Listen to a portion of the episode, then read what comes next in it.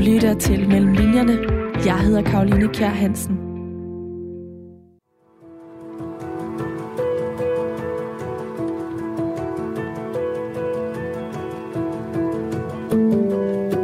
Vi er i Dara i det sydlige Syrien i marts 2011. Flere hundrede syrere går på gaden for at demonstrere. For efter mange år med ene styre, der er unge begyndt at opildne til revolution ved blandt andet at male politiske budskaber i forskellige byer. En forholdsvis uskyldig gerning, som regeringen dog håndterer med at anholde de her unge mennesker, og det er dråben, som får bæret hos rigtig mange syre til at flyde over. Det er derfor, de denne dag går med banner og megafoner i de syriske gader. Flere og flere borgere de slutter sig løbende til, og regeringens sikkerhedsstyrker bliver tilkaldt. De åbner ild og dræber med det fire demonstranter. Sådan her begyndte det, vi i dag kalder den syriske borgerkrig. Efter drabet på de fire demonstranter gik nemlig tusinder og tusinder af syrere de efterfølgende dage på gaden for nu at protestere over de her drab. Og det gjorde de for kun at opleve de helt samme behandlingsmetoder fra regeringens side. Behandlingsmetoder, som de syriske borgere har oplevet lige siden, og det har resulteret i, at knap en halv million mennesker har mistet livet, og mere end 13 millioner syrere er på flugt. I år, og i lige præcis denne måned, er det 10 år siden, at situationen i Syrien eskalerede.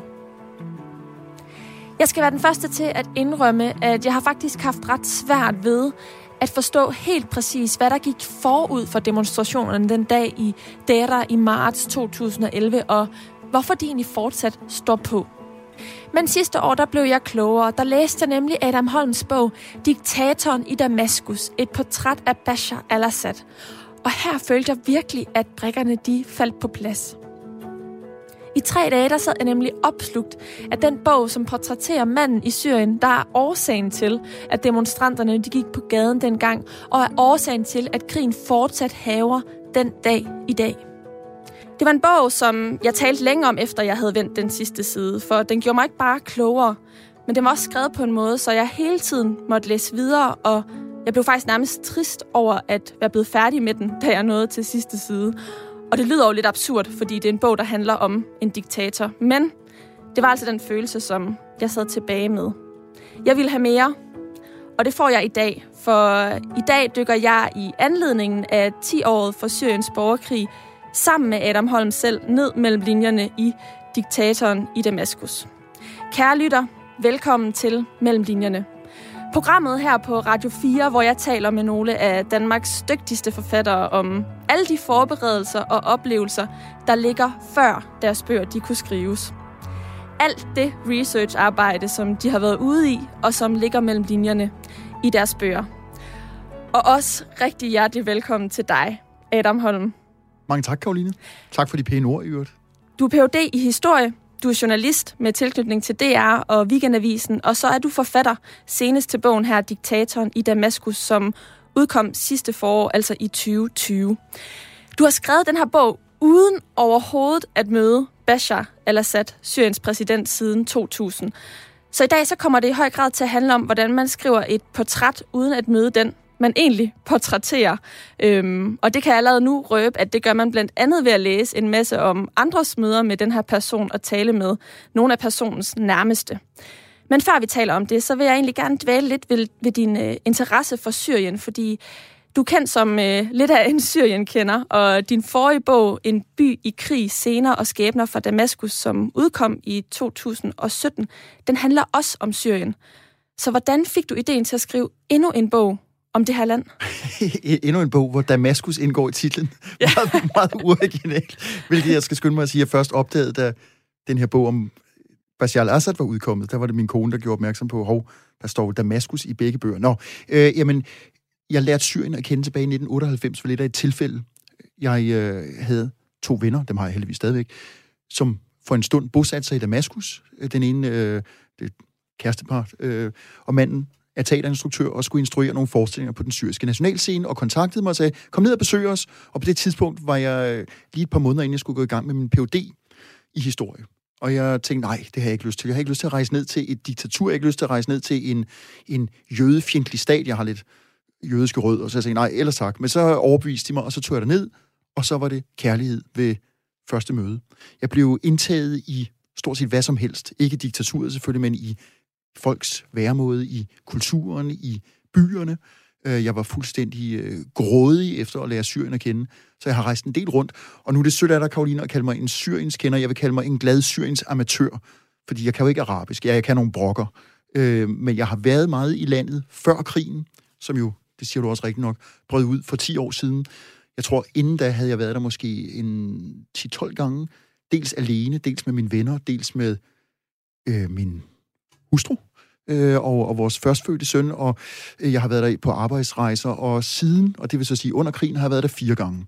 Så Syrien er et land, der bliver ved med at være i mig, og øh, af den simple grund, at jeg simpelthen ikke har oplevet på en måde at, at føle mig så hjemhørende øh, som i Damaskus. Og derfor så øh, kan jeg åbenbart ikke lade være med at skrive bøger, der har noget med Damaskus at gøre. Og det her det er så en bog, der er et portræt af Bashar al-Assad. Han er jo øh, præsidenten af landet, men ja. hvad karakteriserer egentlig ham? Ja, hvad karakteriserer Bashar al-Assad? Altså, øh, hvis vi skal tale om ham nu, her i det herrens år 2021, så er han jo en diktator, og man kan godt sige, uden at blive alt for journalistisk poppet, at han er en blodindsmurt diktator. Som du selv sagde, Karoline, op imod en halv million syrere har mistet livet. Hovedparten af dem er blevet slået ihjel af regimets styrker. Så han er en, øh, en, en hård nød. Øhm, det er sådan, jeg tror, at de fleste, måske også nogle af dine lyttere, vil tænke på Bashar al-Assad, hvis de kender ham. Så er der jo alt det under. Øh, fordi der er også en tidligere udgave af Bashar al-Assad. Der er en mand, som på en måde tumler ind i rollen som diktator. Det var slet ikke meningen, han skulle have haft den post. Han var interesseret i medicin, altså i øh, lægevidenskab. Han ville meget, meget gerne have været øjenlæge. Han var i gang med at uddanne sig til øjenlæge. Det skal siges, han er søn af Syriens tidligere diktator Hafez al-Assad, som blev kaldt jernnæven. Så han er født ind i det miljø, men det var hans storebror Basil, der skulle have været den retmæssige aftager. Der sker så det i 1994, at Basil omkommer i en biluheld. Og han havde meget mere sådan naturen, man kunne forbinde med en diktator. Han var nemlig i gang med en militæruddannelse. Han var, øh, han havde en høj rang i hæren, og han øh, kastede sig ud med faldskærm, han redde hest, og han kørte tank, og han havde alle de, hvad skal vi sige, karakteristika, som man vil forbinde med en mand, som skal overtage et land og, og dets væbnede styrker. Lillebror Bashar, han var kendt for at være øh, hvad skal vi sige, mere blød. Han øh, havde ikke nogen militær baggrund. Han var ikke trådt ind i herren, for eksempel. Øh, og han, øh, som sagt, ville studere medicin. Han var optaget af computervidenskab, og han flyttede som den første i altså hele hans slægt til Vesten, til London, for at studere. Så han bliver på mange måder mod sin vilje gjort til den figur, han er i dag. Og er det den her forhistorie, der overhovedet gør ham interessant at portrættere? Ja, det synes jeg. Altså, nej, der, der er selvfølgelig flere ting, der gør ham interessant. Øh, et er, at han på det her tidspunkt, hvor det arabiske forår, det som altså bryder ud for 10 år siden, som jo sammenfaldende sker i Tunesien, Ægypten, Libyen, Bahrain, Yemen, øh, måske Marokko, Algeriet. Der er jo altså nogle tendenser rundt omkring i den arabisk sprogede verden, hvor folk går på gaderne og protesterer. Og den her og, dag i marts 2011 er en del af det arabiske forår. Nemlig, Præcis, tak. Nu bliver jeg lidt for indforstået. Et par af de andre diktatorer, Muammar Gaddafi i Libyen og Hosni Mubarak i Ægypten, de bliver skubbet af pinden. Mubarak bliver sat i fængsel, Gaddafi bliver dræbt. Et par af de andre diktatorer, øh, for eksempel Tunesiens præsident Ben Ali, bliver tvunget til at flygte. I Yemen må præsident Salah træde tilbage. Så mange steder ser vi, at det folkelige pres fører til forandringer, i hvert fald på overfladen. I Syrien, og det er det, der også gør, hvad skal vi sige, Bashar al-Assad interessant, der lykkes det diktatoren, eller præsidenten, at holde stand. Og lige fra starten, det er en mand, som nogen tror vil være lidt mere velvilligt indstillet over for de demonstranter, du indledte med at tale om. En mand, som måske vil forhandle med dem. Nej, Bashar al-Assad, den gamle øjenlæge, nogen vil kalde ham humanisten, slår med det samme jernhårdt ned. Arrestationer, nedskydninger, tortur, brutale drab for at afskrække folk fra at gå yderligere på gaden. Det lykkedes selvfølgelig ikke, fordi Syrien bryder ud i først en borgerkrig og siden en international krig, nogen vil kalde det en stedfortræderkrig. Syrien bliver ekstremt blodig. På det tidspunkt, hvor det er aller værst, og i øvrigt et af de år, hvor jeg har været der, der dør i snit 250, 250 eller 60, det kan jeg ikke huske. Det er omkring 250 mennesker om dagen. Det er en meget, meget blodig krig. Men Bashar al-Assad sidder der den dag i dag. Der skal være præsidentvalg lidt senere i år. Det er selvfølgelig en farse. Der er kun én kandidat, men han vinder med de sædvanlige 97 procent. Men han har reddet stormen af. Og derfor synes jeg, han er interessant at beskrive, samt det, at han er kommet som sagt, han er født ind i en diktatorfamilie. Han er manden, der ikke vil være diktator, og ender der alligevel. Og du skriver også i bogen, at han øh, ikke betragter sig selv som diktator. Men i bogen, der skriver du også det her med, hvordan han netop, hvordan hans natur er, hvordan han, han har den her dobbeltsidethed, øh, som er interessant at undersøge, som jo den, du ligesom prøver at komme omkring igennem hele bogen. Og jeg har bedt dig lige læse et kort udsnit højt, sådan så lytterne de får en fornemmelse af, hvordan du formidler det i bogen. Ja, Altså, der er mange steder, jeg kunne have slået ned. Nu skal jeg lige øh, bladre lidt. Øh, altså, det, det kan være, at jeg lige skal sige, at over de første 30-40 sider i bogen beskæftiger jeg mig lidt med egentlig, hvad det er, han har rundet af, og hvordan han er kommet dertil. Øh, jeg kunne tage det her afsæt, for eksempel. Hvis man søger på internettet efter billeder af en truende eller opfarende Assad, bliver man hurtigt skuffet når han skal træde i karakter og slå sin holdning fast over for tilhørende i parlamentssalen, minder han mest af alt om en forurettet skolelærer. Han savner også den klassiske diktatorkarisma i sin levevis. Andre diktatorer har vist os alt det tilfagede hørende af luksusbiler, lystyachts, jumbojets med sengeafsnit, paladser med guldspir og prangende ordner. Assad klæder sig som en vestlig politiker. Et mørkeblåt, mørkeblåt jakkesæt med slips og hvid skjorte, eller grå jakke og lyseblå skjorte. Når han er iført militært antræk, er det som regel uden tingeltangel på brystet. Han er på den led tættere beslægtet med moderne, autoritære ledere som Vladimir Putin i Rusland og Recep Tayyip Erdogan i Tyrkiet. Men i modsætning til dem, lader han sig ikke for evig i nøgen overkrop siddende over skrevs på en hest eller iklædt sit favoritholds fodboldtrøje på et stadion. Denne påfaldende, upåfaldende diktator kaster ikke sin mange penge i grams på overflødige statussymboler. Hans forbrug kan virke beskedent på et nærmest ordinært niveau. I det tidlige forår 2012 kom det frem via Wikileaks, at Assad havde downloadet sange på iTunes med LMFAO, som står for Laughing My Fucking Ass Off, Chris Brown, Right Set Fred og New Order. Den musikinteresserede Assad har aldrig hyret vestlige stjerner og bands til at underholde til storslåede fester, sådan som Gaddafi-klanen gjorde det med amerikanske pop-ikoner. Både Beyoncé, Usher og Maria Carey har optrådt for familien Gaddafi. Assad gør det samme som menigmand hvor som helst i verden. Han går på nettet og betaler for sin musik. Han har blandt andet sendt sin kone sangen God Gave Me You med countrymusikeren Blake Shelton, og så videre, og så videre, og så videre. Altså, jeg prøver selvfølgelig ikke at banalisere Assad, men der hvor han også, jeg, jeg synes jo, han er interessant på en hel række områder, men når man kigger på andre diktatorer, nu har jeg selv lige nævnt Gaddafi, man kan gå lidt længere tilbage i historien. Nogle har måske hørt om Ugandas for længst afdøde, afdøde diktator Idi Amin. Det er folk, som altså havde prangende uniformer, øh, boede i gigantpaladser, kørte kæmpe biler, og som sagt, for Gaddafis vedkommende hyrede vestlige musikere ind. Altså han svømmede i milliarder af oliedollar. Assad, han, han kører sådan en ordinær stil. Han bor også i en ganske vist toetagers lejlighed, men, men han, han, øh, han bor ikke i præsidentpaladset. Han bor i byen. Han kører, han har en bil, en flot bil, skal det siges, en BMW, men, men altså han, selvom han kunne have alle de her statussymboler, så er det ikke det, som karakteriserer ham. Så i den forstand er han i anførselstegn noget mere ordinær og altså knap så diktatoragtig. Og samtidig, og det er jo det, som man hele tiden må holde fast ved, for ikke at få et forkert indtryk af ham, samtidig med, at han, altså, der er ikke rigtig nogen billeder, der viser ham ophidset og råbende og, og så videre. Han, som sagt, en forurettet skolelærer er det bedste billede, jeg kan finde. Samtidig er han jo den diktator i Mellemøsten, som har stået bag, eller er ansvarlig for den mest blodige krig til dato.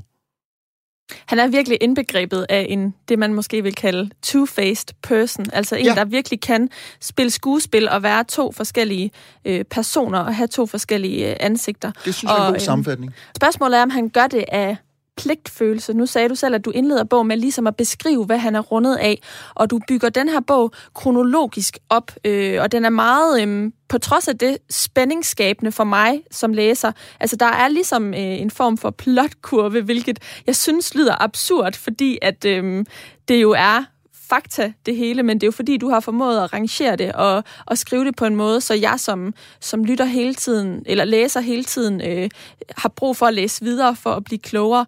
Øhm, men, men i forhold til den kronologiske opbygning og det, han er rundet af, så er hans historie jo også ret vild, ligesom hans fars historie er, fordi han overtager magten i 1971 og... Øh, ja, kuber sig til magten. Ja, kuber sig til, til magten.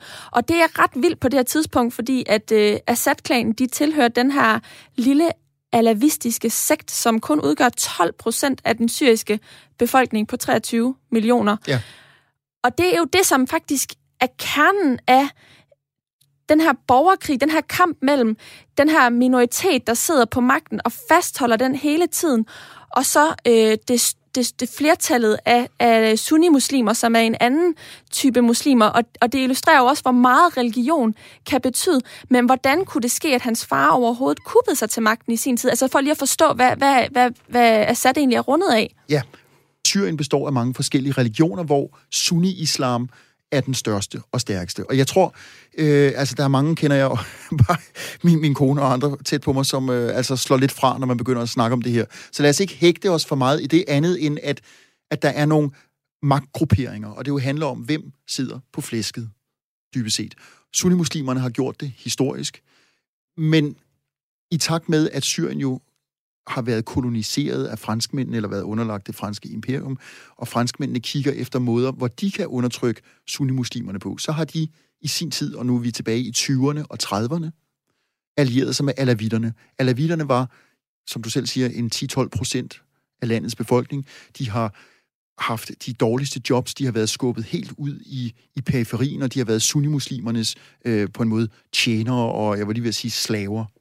Hvad gør franskmændene? De tænker, mm, hvis vi nu tager en minoritetsgruppe, og for eksempel uddanner dem i herren, gør dem til vores livgarde, giver dem militær træning, giver dem våben, så har vi jo nogle meget, meget lojale syre, som hjælper os. Og hvad sker der? Alavitterne går fra at være en undertrykt bondebefolkning til, at det begynder op igennem 30'erne og 40'erne at blive tradition for mange af de her meget fattige alavit-familier, at de sender deres sønner på militærakademi, eller i hvert fald i herren og mange af dem bliver officerer. Det vil sige, de får jo adgang til altså våben, de får adgang til, øh, til divisioner, regimenter, øh, og hvad er stærkest? Altså pinden eller sværet? I Syrien er det sværet. Så alavitterne begynder at dominere i officerskorpset. Bashar al-Assads far, Hafiz al-Assad, kommer som ung på militærakademi. Han bliver officer i flyvevåbnet, og sammen med en andre gruppe af unge alavitiske officerer finder han ud af, i et politisk meget ustabilt Syrien, at tiden er kommet til nu, at de skal tage magten. Og det gør de så der i øh, 69-70. Men derfra, tilbage fra 1970 cirka, der kommer traditionen med, at alavitterne kæmper for at holde magten. Og det er jo også Bashar al-Assads store kamp, at holde alavitterne inde omkring magten. Jeg håber ikke, det blev for Nej, men jeg synes faktisk, det her det var noget af det, der var meget øjenåbne for mig. Fordi det, som du siger, så var det netop den franske kolonialisering, som gjorde, at de fik nogle værktøjer til at komme ind og besidde magten. Den har de jo så simpelthen siddet på og fastholdt lige siden. Og i dag, så kan man, øh, jeg forstår det i hvert fald sådan, at vi har på den ene side alivitterne, som øh, Bashar al-Assad repræsenterer, og som sidder på magten. Og så har vi sunni-muslimerne, som jo også prøver hele tiden at generobre magten. Men så har vi også den civile befolkning, der, der gør oprør og gerne vil have et demokrati. Ja, og ind imellem det, altså fordi nu kan vi tale i meget fastlåste kategorier og sige alavitter kontra sunnier. Men, men billedet er jo trods alt noget mere broget. Altså hvis jeg skulle sige det meget enkelt, og det kan godt være, at folk med større indsigt i Syrien øh, vil komme efter mig, hvis de hører det her, men for at sige det meget enkelt, så er minoritetsgrupperne, altså alavitterne, shia-muslimerne og mange af de kristne, de er på en eller anden måde forbrødrede, fordi at de har en historisk erfaring for at være trådt under fod af de cirka 65-70 procent, som er sunnier. Og ikke fordi sunnierne er onde, men fordi at der jo er nogle magtstrukturer der. Så man kan godt sige, at minoritetsgrupperne i Syrien holder sammen om, bakker op om regimet. Men der er også mange sunnier, skal det siges, som støtter op om regimet. Måske fordi de har nogle privilegier, måske fordi, at de synes, og det er der jo mange syre, det bliver jo også nødt til at sige, der er mange syre, også før krigen, som egentlig i store træk var meget godt tilfreds med Bashar al-Assad. Øhm, så altså, billedet er noget mere broget end som så. Det er ikke fordi, at 70 procent af syrerne, dem som er sunnimuslimer, bare bliver trådt ned i, i mudderet og, og skudt på. Men der er nogle stærke grupper inden for sunni, øh, sunnitterne, som øh, måske er mere religiøse, og som ønsker et, et øh, islamisk styre i Syrien. Og det er blandt andet dem, der har bakket op om islamisk stat. Og det her med muslimer, med, med religion, det handler jo om, hvem man øh, tilbeder, hvem man ser som den, den rigtige profet. Ja. Og når vi herhjemme læser om antallet af syriske borgere, der går på gaden eller flygter og bliver dræbt, så er det jo i høj grad Assads skyld, fordi hans øh, regime, militæret, de skyder på øh, befolkningen og bekæmper dem. Men der er også en gruppe af sunnimuslimer, som bekender sig til ISIS, som, ja. som også prøver at bekæmpe regimet og overvinde magten på ny. Og det er bare en vigtig skældning at have en mente i forhold til at forstå de komplekse strukturer, der øh, omkranser det her, når vi læser om det i dag, tænker jeg i hvert fald. Det har du ret i, Karoline. Og jeg vil så sige, uden at skulle komplicere det endnu mere, end jeg i forvejen har gjort. Nu nævner du regimet på den ene side, og ISIS, eller islamisk stat, på den anden side. Nu er de så heldigvis nedkæmpet, men der findes lommer af dem. As we speak, er der kampe i det nordlige Syrien mellem islamisk stat og regimet. Men det er jo så kun, hvad skal man sige, to af aktørerne. Regimet består af herren, men også af en række sikkerhedstjenester. Og de kæmper ganske vist for det samme, altså i den forstand, at de vil holde Bashar al-Assad ved magten. Men de konkurrerer også indbyrdes. Nogle af dem er mere tilbageholdende end andre. Nogle er ekstremt brutale. Flyvevåbnets efterretningstjeneste er notorisk berygtet. Hvis man bliver arresteret af dem, er det så godt som en dødsdom. Så der er også grader af radikalitet inden for regimet, ligesom at der blandt de islamistiske oprørsgrupper, som overvejende er sunni-grupper, er grupper, som bekæmper hinanden indbyrdes. Altså slås øh, lige så hæftigt, som de slås mod regimet. Øh, og der er grupper, som ønsker, blandt de her, ønsker et kalifat, og der er andre, der ønsker bare en anden, hvad skal vi sige, politisk, øh, demokratisk, måske leder. Så det er et ekstremt broget tæppe. Og Syrien bliver ligesom noget, man tænker, åh, oh, mand, mere af det samme. Jeg, jeg orker det ikke, og er der overhovedet nogen, der kan finde hoved og hale lidt længere? Så, så det er også desværre lidt af historien om, om Syrien. Og jeg tjekkede lige inden jeg cyklede herover øh, for at være med her hos dig, skulle jeg lige se, hvad, er, er der skrevet noget øh, i, øh, i dansk presse om Syrien her på det seneste? Nej, ikke en snus. Der er skrevet lidt om den diskussion, vi har, eller de har inde på Christiansborg, om at hjemsende et antal syriske flygtninge, øh, om det er sikkert, fordi der ikke længere er krig i Damaskus-regionen. Men ellers, Syrien er på en måde glidet ud af radaren. Vi, vi overgår det ikke længere. Men måske kommer den tilbage i, øh, i retteren nu her, hvor det er 10 år for øh, borgerkrigens øh, udbrydelse. I hvert fald så øh, havde jeg stor glæde af at læse, som jeg sagde tidligere, bogen her, og, og øh, jeg sad ikke med følelsen af, at det var sådan overkompliceret. Selvfølgelig sad jeg efter endt læsning også med følelsen af, at, øh, at der er mange aktører at holde styr på, og en stor historisk øh, linje at skulle overskue, men jeg følte alligevel, at jeg fik de væsentligste aktører øh, udpeget øh, og ligesom optegnet, som gjorde, at jeg kunne holde styr på det.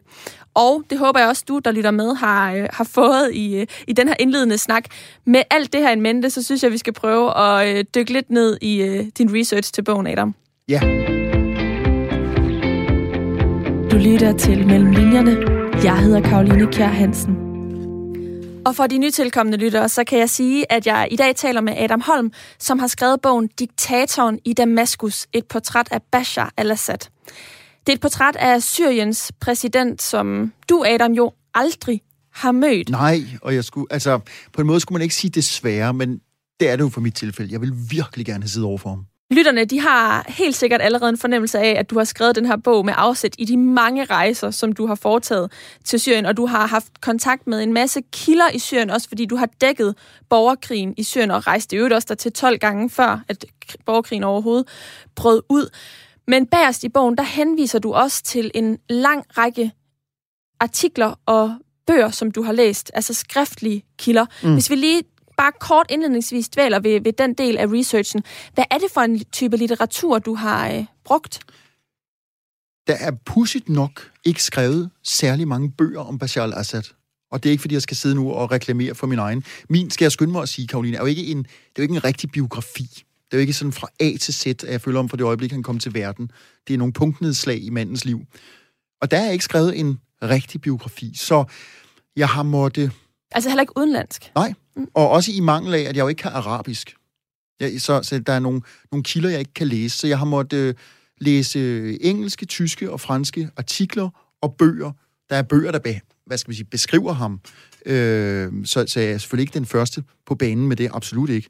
Men øh, jeg må forlade mig på, hvad kan man sige, på forskningslitteratur, øh, på sekundære kilder, og så selvfølgelig øh, for min del på mange rejser til Syrien, både som journalist, jeg har været afsted for Danmarks Radio, jeg har været afsted for Weekendavisen, og jeg har også været afsted som privatperson, og jeg har hver gang, selvom det nogle gange har været med hjertet i halsen, kunne tale med folk dernede om Bashar al-Assad. Det skal jo siges, når jeg siger med hjertet i halsen, så det er ikke, fordi jeg føler mig øh, meget forfulgt og overvåget, men Syrien er en politistat.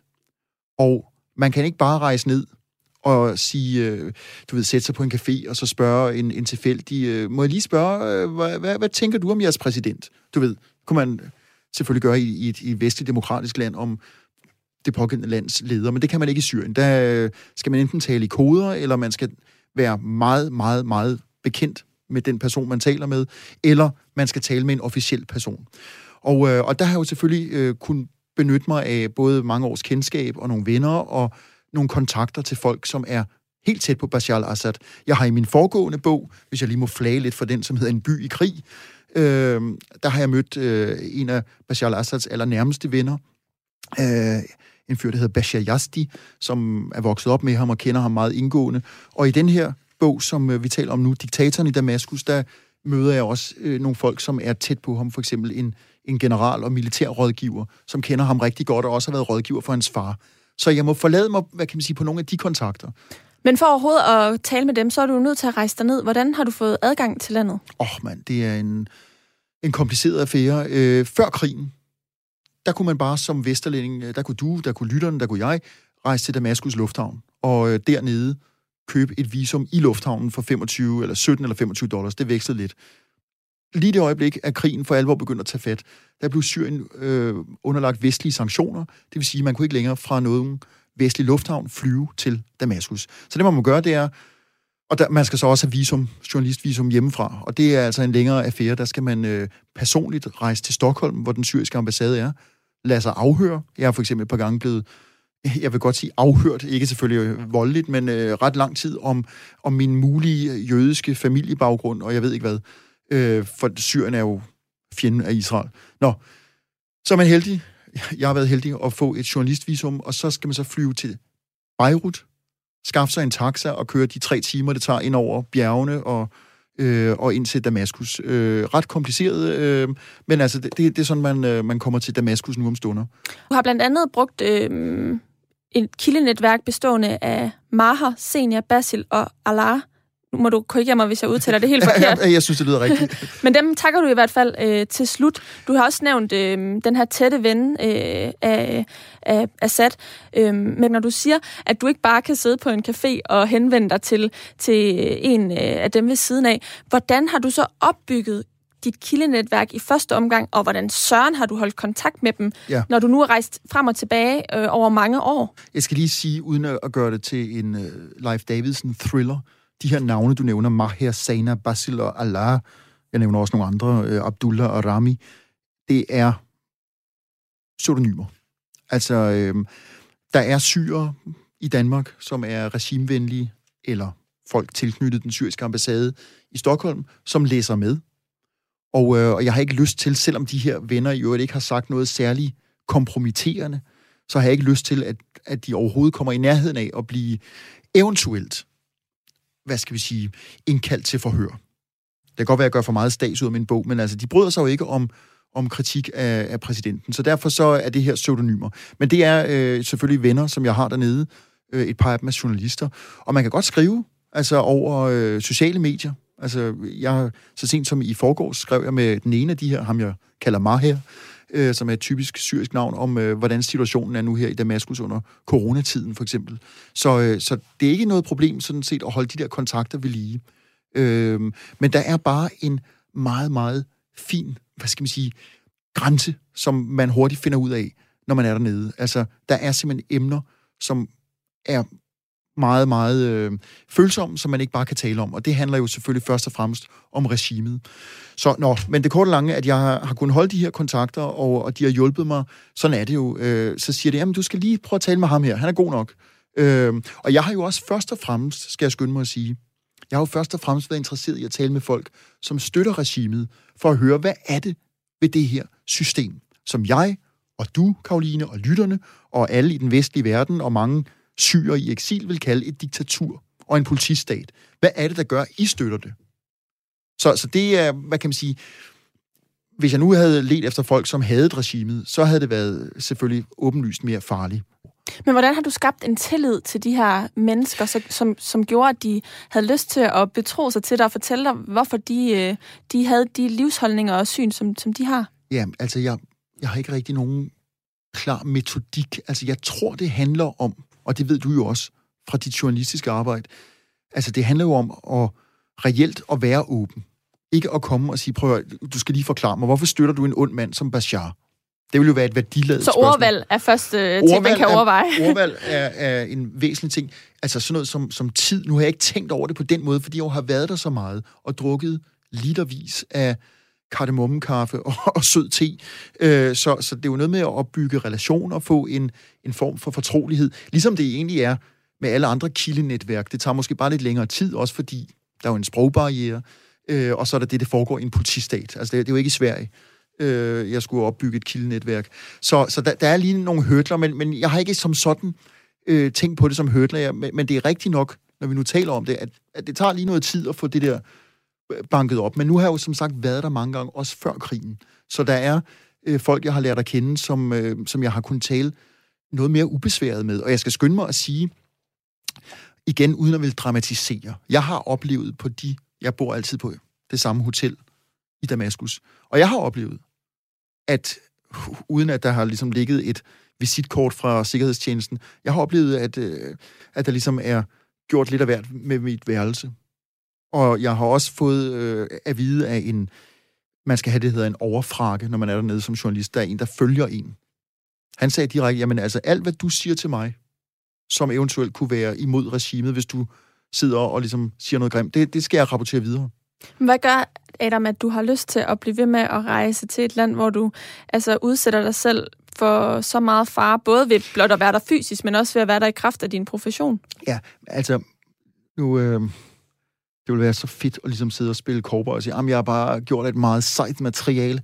Det, det, sådan tænker jeg slet ikke på det. Altså, jeg, jeg, det er for det første ren og sker interesse i landet og en, hvad skal vi sige, øh, ja, en, en sympati med de her mennesker, som jeg holder meget af. Øhm, og så har jeg jo ikke selv andet end i et par situationer, som har noget at gøre med selve krigen, følt, at jeg har været udsat, fordi jeg regner med, at sådan en vestlig starut, der kommer rejsende, og som har journalistvisum, bliver overvåget på en eller anden måde. Man skal for øvrigt også hver dag som vestlig journalist køre ud til informationsministeriet, og melde sig og fortælle, hvad det er, man vil lave. Det er simpelthen noget, der hedder Informationsministeriet. Ja, ja. Hvor man så, øh, som ligger... Øh, det lyder øh, sådan helt Stasi, øh, DDR-agtigt. Syrien er en vildere udgave af en overvågningsstat end det, det er, og det var slemt nok. Øh, ikke mindst fordi folk jo bliver fængslet, tortureret og dræbt i Syrien. Det er, øh, og i øvrigt, altså det er jo meget interessant, når du nævner det, det er, Karoline. Altså, det Syrien, som Bashar al-Assads far opbyggede gennem 70'erne, fik meget, som det hed, konsultativ bistand fra DDR og Sovjetunionen. Så i den forstand øh, trækker Syrien jo på, på nogle erfaringer, de havde gjort sig i, i det kommunistiske Østeuropa om, hvordan man overvåger, hvordan man registrerer. Øh, så det er en overvågningsstat, og man skal ud hver dag til informationsministeriet og tale med en eller anden mand, eller kvinde er det nu, øh, og fortælle, hvad man agter at lave, og nogle gange bliver man, jeg har prøvet at sidde i det her beklumrede kontorlandskab øh, op på 14. etage i et, øh, i et højhus, og vente i fire timer, og så blive kaldt ind. Altså, man kan ikke gøre, man kan ikke rase, man kan ikke sige øh, et eller andet, vær til, og så komme ind, og så sidder man over for en eller anden træt byråkrat, og siger, what do you want to do now? Og så siger man, jeg vil bare gerne gå rundt i byen, og måske tale med nogen. Okay, you can do that. But don't talk about politics. Og så får man lov til at gå. Så man ved godt, som vestlig journalist, at man er under en eller anden grad af overvågning. Så det i sig selv er ikke så farligt. Der har så selvfølgelig her under krigen øh, været et par gange, fordi Damaskus, det er der mange, der ikke rigtig ved, men altså i 16, hvor jeg var der to gange, der var krigen helt inde i hjertet af byen. Øh, og, og der er det jo klart, altså der udsætter man sig også som udefrakommende for, for en vis fare, og uden at skulle sætte mig selv ligesom i begivenhedernes centrum, så har jeg nogle gange været øh, tæt på der, hvor, øh, altså hvor, ja, hvor der faldt mortergranater, og, og også været ganske tæt på en bilbombe, hvor jeg gudskelov var rundt om et hjørne. Men, men det vil sige, at de realiteter, der også følger en krig, har jeg faktisk også øh, set. Men har det påvirket dig sådan så, at du kan mærke det i dag på nogen måde? Fordi det lyder jo ret vildt, det der, Adam, mm. at, at være tæt på, så tæt på en, for eksempel en bilbombe. Altså, hvordan ja, det var, præger det, var det dig i dag? jeg var tæt på den. Jamen, altså, det er svært at sige, fordi jeg, jeg øh, kommer enten til at lyde meget afstumpet, eller som om, at øh, jeg ligesom bare reducerer det til det rene ingenting, men jeg har skrevet om det, øh, både i avisartikler og, og lige det med bilbomben i, i min første bog. Og det, jeg har ikke selv altså haft... Øh, skal sige, at jeg var inde på et hotel, da bilbomben sprang, og det var en plads, som ligger cirka to minutter derfra, og jeg var en af de, jeg ved ikke, om jeg var en af de første, men sammen med en af receptionisterne på hotellet, løb jeg ned mod den her plads og så, altså, ilden, der stod op af nogle palmer, og jeg så, vi så nogle øh, folk, som lå på jorden. Øh, en mand, som faktisk havde ild op af ryggen, men han var død. Øh, så så jeg, har, jeg har set noget af det, som er krigens redsler, men, men øh, det vil jeg sige, jeg har også talt med andre journalister, danske journalister, som har oplevet noget tilsvarende rundt omkring i Irak for eksempel, at det er, uden som sagt at vil være afstumpet, det er åbenbart noget af det, man ubevidst om ikke andet tager med og tænker, at det, det følger en, en krigssituation. Så, så det, øh, det, det har ikke rigtig hjemsøgt mig, må jeg sige, andet end selvfølgelig øh, altså med lidenhed et eller andet sted øh, med de mennesker, for hvem det er overgået. Men, men nej, det er ikke noget, som, som øh, altså har, har givet mig traumer, øh, og, og jeg tænker heller ikke på det som en stor del af det at være i Syrien. For min Men tænkte du ikke, at det kunne, være, det kunne have været dig, den mand jo, med bilen? altså faktisk vil jeg sige, der en gang, og det var i 16, 16 synes jeg var slem.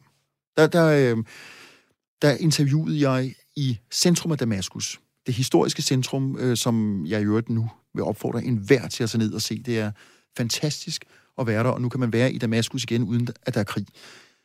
Men jeg sad der i det historiske... Og det er altså en, en noget, der er egentlig by, og ikke bare murbrokker, ja, ja, absolut, som vi jo ellers ser på billeder. Ja, altså, øh, den del af Damaskus, som har været hårdt ramt af krig, er langt hen ad vejen forstederne. Nogle af dem ligger så tæt op ad det historiske centrum. Det historiske centrum vil man godt kunne se forskellige, hvad skal vi sige, tegn på krigen. Især er, er der flere steder, hvor der er slået mortergranater ned. Men, men altså, alt står, øh, og øh, altså, der er et handelsliv, og det var der også under krigen, og åbne restauranter og caféer. Så, så altså, øh, du kunne rejse dig ned øh, på et turistvisum, hvad du helt sikkert vil få, Karoline, og, øh, og opleve, at, at alt ser flot ud, og det, det er en dybt, dybt betagende by. Nå, jeg sad i det historiske centrum og interviewede en præst om øh, en, en, en øh, ortodox, øh, græsk-ortodox præst om de kristnes vilkår under krigen. Og så hører vi lige pludselig nogle eksplosioner fra en oprørsbydel, der lå ikke så langt derfra, bare en halvanden, to kilometer, hvor der var en islamistisk gruppe. Så siger præsten til mig, jeg tror, vi må droppe interviewet nu, fordi lige om lidt, så begynder herren at angribe dem. Og så begynder det at regne med granater, så, så du må nok hellere se at komme afsted. Og lidt idiot som jeg er, så tænker jeg, ah, hvad? Det kan da vist ikke være rigtigt. Vi, kun lige halvvejs gennem det, jeg planlagde, skulle være lidt længere interview. Og så fortsætter jeg lige lidt endnu, og så rejser han sig, og så siger han, prøv at høre, ikke mere nu, fordi jeg, jeg ved, at, at nu øh, var det nok ikke længe, inden vi risikerer, at der sker noget her. Og så tænker jeg, okay, det kan da godt være, jeg må, altså, han er trods alt mere lokal. Men fordi jeg selv har været der så meget, så var jeg lige lovlig indbilsk nok til at tænke, ja, okay, gamle jas. Så jeg siger farvel og ærger mig lidt, og går ud på gaden, og lige pludselig tænker, hold da kæft, mand. Der er jo næsten ikke nogen på gaden nu. Måske de lokale, ikke bare måske, de lokale ved, hvad der sker. Og lige pludselig begynder der at lyde nogle eksplosioner meget tæt på. Og der er det pokkers med mortergranater. Det er ikke et præcisionsvåben. De kan ramme hvor som helst. Og de blev affyret over fra oprørssiden. Og lige pludselig så hører jeg et gigabrag, og jeg kan ikke lokalisere det, fordi jeg kan ligesom ikke se, hvor det slår ned, men jeg kan bare mærke, at det her, det er meget tæt på. Og der, der, der løber jeg simpelthen ind et sted øh, i en gård, sådan en, en halvlukket gård, hvor der så ikke er nogen, og sidder, og så sker der så jo ikke mere, men, men der havde jeg sådan nogle minutter, hvor, øh, hvor altså, jeg var svedt, og hvor jeg tænkte, øh, at jeg ikke anede, hvad der skete. Og det, det kan jeg mærke lige Hvilke den, tanker gik igennem dit hoved? Jeg tænkte bare, idiot om mig selv. Idiot. Fordi jeg var egentlig ikke så langt... Tænkte du på din familie? Ja, det gjorde jeg så også. Jeg har kone og to børn, men øh, jeg ved ikke, om jeg lige tænkte på min familie. Jeg tænkte først og fremmest på, og det var for mig virkelig en lærer, et lærerstykke i, at hvis nogle lokale siger noget, så tror jeg bare, man skal lytte til dem. Og ikke være, hvad skal man sige, helt så hovski snovski, som jeg kan se, jeg var. Fordi egentlig var jeg meget tæt på mit hotel. Jeg kunne bare være løbet over på hotellet, og de havde sådan også et sikkerhedsrum, hvis det skulle gå helt galt. Øh, men jeg valgte jo bare at fortsætte ud i byen og tænke, ah, hvad? Så nej, det, der, øh, det, det var sådan et, et lille eksempel øh, på, at jeg forregnede mig lidt. Der skete så heldigvis ingenting. Øh, En ting, det er at tale med de lokale. En anden ting er at tale med nogle af dem, som øh, er noget højere oppe og tæt på øh, hovedpersonen her, Bashar al-Assad. Og øh, du har fået adgang til en af, han nærm- en af hans nærmeste i forbindelse med researchen til bogen. Hvem er det? Ja, altså i virkeligheden har jeg talt med nogle stykker, men, men der er en, som, øh, som har været rådgiver for ham. Jeg tror også, jeg nævnte ham øh, lidt tidligere. Han øh, er general. Han er faktisk generalmajor. Han hedder Muwafak Juma. Øh, han er... Meget mundret navn. han er formand for det syriske sportsforbund. Øh, det er sådan, at nogle af de der meget prestigefulde forbund øh, bliver besat af folk fra herren. Altså herren styrer stort set alt i Syrien. Så folk, der har været lojale, de får de her øh, flotte poster, fordi han får helt sikkert en masse penge og privilegier. Øh, men han fastholder jo også sin militære titel, og han er også rådgiver. Han har været rådgiver en af mange rådgiver, skal det siges, for faren, men også for Bashar al-Assad. Og, øh, og han holder til i et kæmpe kontor. Altså, jeg tror, jeg kunne ligge to københavnerlejligheder i det der kontor, hvor han så sidder og troner for enden af et, øh, et stort skrivebord, og med billeder af ham og Bashar, og øh, ham, altså general øh, Juma, og, og Bashars far. Og, øh, og ham fik jeg foretrædet, man kunne næsten sige audiens hos, øh, i 2016, og jeg kommer ind i det her lokale, som er jo gigantisk. Altså, det er bare en mands kontor, og han har sikkerhedsvagter ude foran, og jeg skulle have tjekket min taske og min skriveblok og min øh, lille båndoptager. Og inde i lokalet er der sat sådan otte kæmpe læderstole op øh, på ræd og række. Så de sidder sådan på en mærkelig måde forskudt af det der skrivebord, hvor generalen sidder. Og i de der store, flotte hvide læderstole, der sidder så dels et par andre folk i uniform, jeg kan ikke aflæse deres rang, og så sidder der nogle civile, øh, og de er alle sammen ved muffen, kan jeg se, altså de har guldlænker om håndledene og øh, flotte fingerringe osv. De klæder sig noget, noget anderledes end Assad. det, det gør de.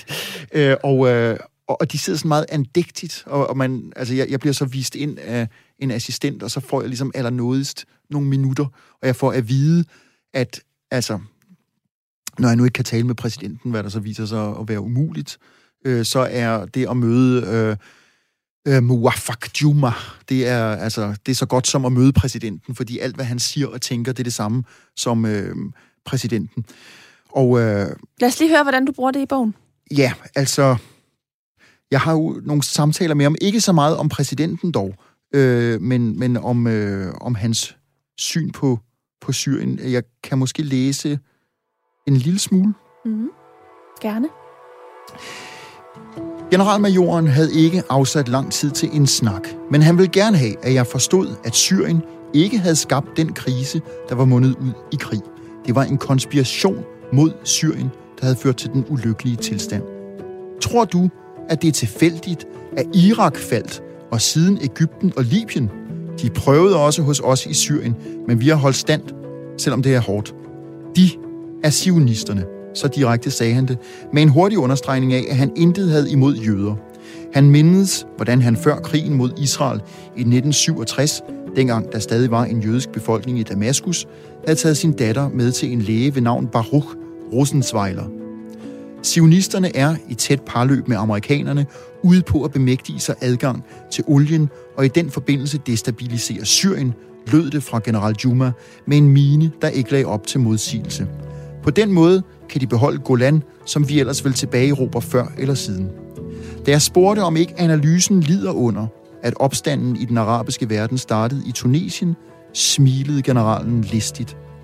Hvor holdt PLO til efter sionisternes invasion af Libanon? Han afventede ikke mit svar. Tunesien. Landet skulle straffes for sin støtte til sionismens fjende.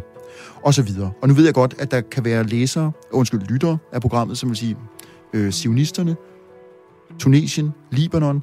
Øh, det hører selvfølgelig lidt tilbage i historien. Altså, sionisterne er selvfølgelig med syrernes udtryk dem, som styrer Israel. Syrien og Israel er ærkefjender. Libanon, som jo er Syriens og, na- og Israels naboland, var krigsskueplads for en krig mellem Syrien og Israel i starten af 80'erne. Og i den forbindelse blev PLO, som er palæstinensernes frihedsorganisation, smidt ud af Libanon og, og måtte flygte til Tunesien. Ja, det er måske lidt, øh, et lidt kompliceret eksempel, men det var bare for at sige, at den her general, hvad jeg end spurgte ham om, om, hvad skal vi sige, regimets eget ansvar, så var der intet af det, der havde med dem at gøre.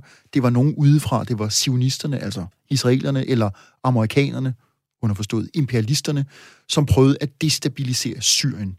Regimet var et, i hans udlægning et, et øh, han brugte ikke ordet menneskekærligt, det vil nok være overdrivet, men han, han siger, at Syrien er regeret af et land, som vil alle mennesker det bedst muligt. Og det, er jo, og det her det er faktisk virkelig interessant i forhold til Assad selv og hans retorik, fordi han formår jo hele tiden at få det til at lyde som om, at det er Vesten, der vil øh, civilbefolkningen, og det er dem, der slår dem ihjel eller spiller dem ud mod hinanden.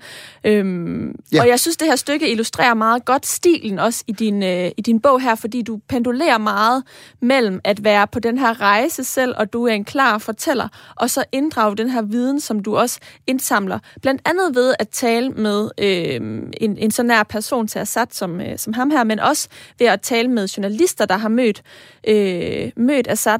Ja, men det er jo en måde, man kan portrættere et menneske på ellers. Det er ved at tale med mennesker omkring det her mennesker. Nogle gange ved andre måske også næsten bedre, hvordan man beskriver en person end en selv. Ja, måske. Altså, det, som jeg jo synes er interessant, Karoline, det er at møde nogle af de her mennesker. Nu har vi generalmajoren, som jo altså har, møder Bashar al-Assad mange gange øh, og rådgiver ham, eller nogle andre, jeg har talt med, som er tæt på præsidenten. Det er jo ligesom at, at prøve at lytte til dem, se på dem, mens jeg taler, og fornemme, at de, de tror fuldt og fast på det her. Altså, og det er jo noget, som på en eller anden måde konfronterer min egen opfattelse, fordi at jeg ligesom dig og alle andre i det her land jo er i ordets egentlige forstand født demokrat. Og synes, at mennesker skal have frihed til at bestemme, hvem der skal stå i spidsen for et lands regering osv. Sådan er det jo ikke i Syrien. Så derfor kan det være svært, når man kommer rejsende udefra og tro på dem rigtigt. For man siger, ah, I må da have lyst til det samme som os. Sådan er verden bare ikke. Om man kunne sige heldigvis eller desværre. Der er folk, ikke kun nogle af de her, der er højt på strå, men også, også mange almindelige syre, jeg har talt med under fire øjne, som godt kunne sige til mig, hvad de mener, som rent faktisk støtter det her system. Ikke fordi de nødvendigvis mener, det er verdens bedste, men fordi de frygter, at alternativet er værre. Og jeg har jo kunnet se nu desværre under krigen, at hvor der de første år, altså i 11, 12, 13 stykker, var folk, som, som virkede lettet over, at der nu var det her i gang. De regnede det for en, hvad skal vi sige, øh, de regnede det for en omvæltningsperiode, og så ville, det, så ville der ske noget bedre. Nogle af de samme mennesker, som på det tidspunkt sagde væk med præsidenten, de siger nu, Jamen altså, hvis alternativet er islamisk stat eller en anden radikal islamistisk gruppe, uh, suk, så foretrækker vi præsidenten. Bagerst i bogen, der kan man se en tydelig liste af de skriftlige kilder, du har brugt. Men, men det er jo ikke, fordi der er en optegnelse af de, de personer, du har talt med i forhold til, Nej, det, til, det er, til det er i din research. Hvor mange vil du skyde på, at du har talt med i arbejdet med bogen her? Altså sådan kilder, som øh, er åbne, og som jeg jo øh, altså, kan fremhæve med navnsnævnelse. For eksempel har her generalmajor øh, Muafak. Øh, dem er der vel... Ja, dem er der vel en 6-8 stykker af, vil jeg tro. Øh, sådan lige hurtigt slag på tasken. Så er der nogle stykker øh, venner i Damaskus, som jeg ikke ændrer navn på, fordi de siger ikke noget, som er imod regimet. Øh, jeg bruger dem mere til ligesom at understøtte noget med en stemning i byen, en by, som er ramt af krig. Og så er der nogle stykker, som jeg lader forblive anonyme, fordi de enten siger noget, som øh, helt sikkert vil bringe dem i fedtefadet. Og i fedtefadet i Syrien betyder jo ikke at blive indkaldt til at blive kildet under hagen. Det betyder noget, som er meget voldsommere. Tortur, fængsel måske, at blive forsvundet, altså slået ihjel. Men det er altså kilder, som du har talt med på øh, nogle af de mange rejser til ja. Syrien. Og Adam, jeg er spændt på at høre, om det egentlig også er der, du skriver. Vi skal lige nå at vende din skriveproces her til slut. Du lytter til Mellem Linjerne. Jeg hedder Karoline Kjær Hansen. Og i dag dykker jeg ned mellem linjerne i bogen Diktatoren i Damaskus, som er et meget velskrevet og meget dragende portræt af Syriens præsident Bashar al-Assad, og det har du skrevet, Adam Holm. Det er din tredje bog. Hvordan er overgangen fra research til skrivning, når det kommer til dig, og mere specifikt i arbejdet med bogen her? Jamen altså, jeg er, på trods af at jeg faktisk engang i tidernes morgen øh, har skrevet en phd afhandling som kræver en form for metodik, det må jeg så sige, så er jeg i de par bøger, jeg nu har skrevet, den ene er en interviewbog, den handler om Europa, og så er der de her to om Syrien. Jeg er meget usystematisk, altså jeg har, jeg, jeg starter nærmest øverst i venstre hjørne, øh, så jeg hører til den uorganiserede del, andet end at jeg jo, hvad skal vi sige, selvfølgelig, jeg tager en masse noter, og jeg har jo lavet interviews, jeg har rejst øh, i Syrien, i Damaskus, øh, i den her sammenhæng først og fremmest. Så jeg har en masse øh, optegnelser at støtte mig til. Men lige hvordan det skal gribes an, øh, bliver i virkeligheden afgjort, havde jeg nær sagt, øh, som asfalten bliver lagt. Øh, det, det er sådan, jeg har det bedst med at gøre det. Syrien, men, men da jeg var der to gange i 16, vidste jeg ikke, at jeg ville skrive den her bog. Men alle de her optegnelser, er det øh, lydfiler på din øh, telefon, eller, eller er det noter på din blog, eller, øh, eller er det hele sider på din computer, inden du rejser hjem øh, fra Syrien? Det, det er først og fremmest øh, noter, helt gammeldags. Øh, nogle af dem kan jeg dårligt nok læse. Og så er det øh, de her øh, sekundære værker, som øh, beskriver regimet indenfra på en måde, som jeg ikke selv har kunnet få adgang til. Og så er der i øvrigt, og det øh, har jeg jo også i min kildehenvisning, der ligger jo en masse interviews, øh, nogle oversat, nogle på engelsk, med præsidenten, fordi han har været ret generøs, når hans medieafdeling ved det, med at give interviews til vestlige medier, til russiske medier. Altså, jeg vil have givet i hvert fald en lillefinger. Det tror jeg næsten, for at få lov til at møde ham, fordi jeg vil simpelthen så gerne prøve at sidde ansigt til ansigt med ham, kigge ham ind i øjnene, for ligesom at forstå. Men altså, så derfor må jeg jo forlade mig på, hvad, hvad andre har, øh, har oplevet, når de har mødt ham. Adam, du øh, er blevet nægtet adgang til Syrien fra nu af. Ja, det så øh, det kommer du ikke til. Medmindre han kommer til Danmark. Men spørgsmålet er, øh, hvordan status er i Syrien her på 10. år, hvor borgerkrigen den haver. Er der flere fortællinger i det her land, som, øh, du gerne vil fortælle med andre ord, hvis Gyldendal ringede, har du så mere i dig?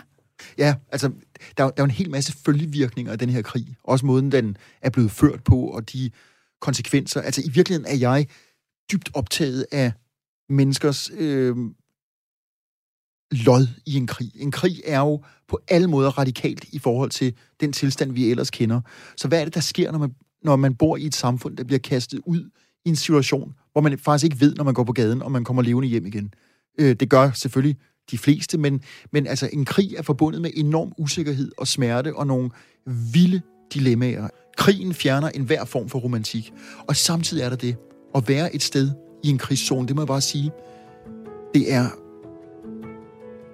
det er så vildt, fordi der er ligesom der er kun to ting at tage stilling til. Lever jeg, eller lever jeg ikke? Og hvordan? Og, og øhm, måske kan man i mødet med krigen, hvad end det er øh, i bogform, eller på lyd, eller på skærm, blive øh, taknemmelig for, at man selv lever.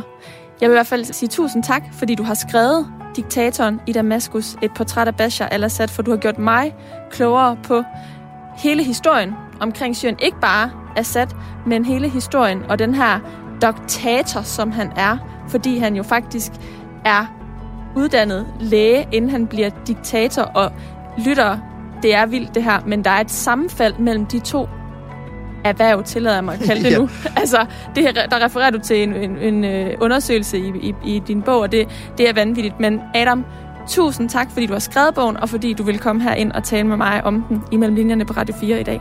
Tusind tak for invitationen og for de pæne ord, og så øh, er jeg glad for, at du trods alt har kunnet læse dig igennem al kompleksiteten i bogen. Tak for det. Jeg vil sige tusind tak til dig, der også har lyttet med. Du har lyttet til Mellem Linjerne. Det er programmet, hvor jeg taler med nogle af Danmarks dygtigste forfattere om alle de forberedelser og oplevelser, der ligger før deres bøger kunne skrives. Alt det research-arbejde, som de har været ude i, og som ligger mellem linjerne i bøgerne. Mit navn det er Karoline Kjær Hansen, og jeg håber meget, at vi lyttes ved.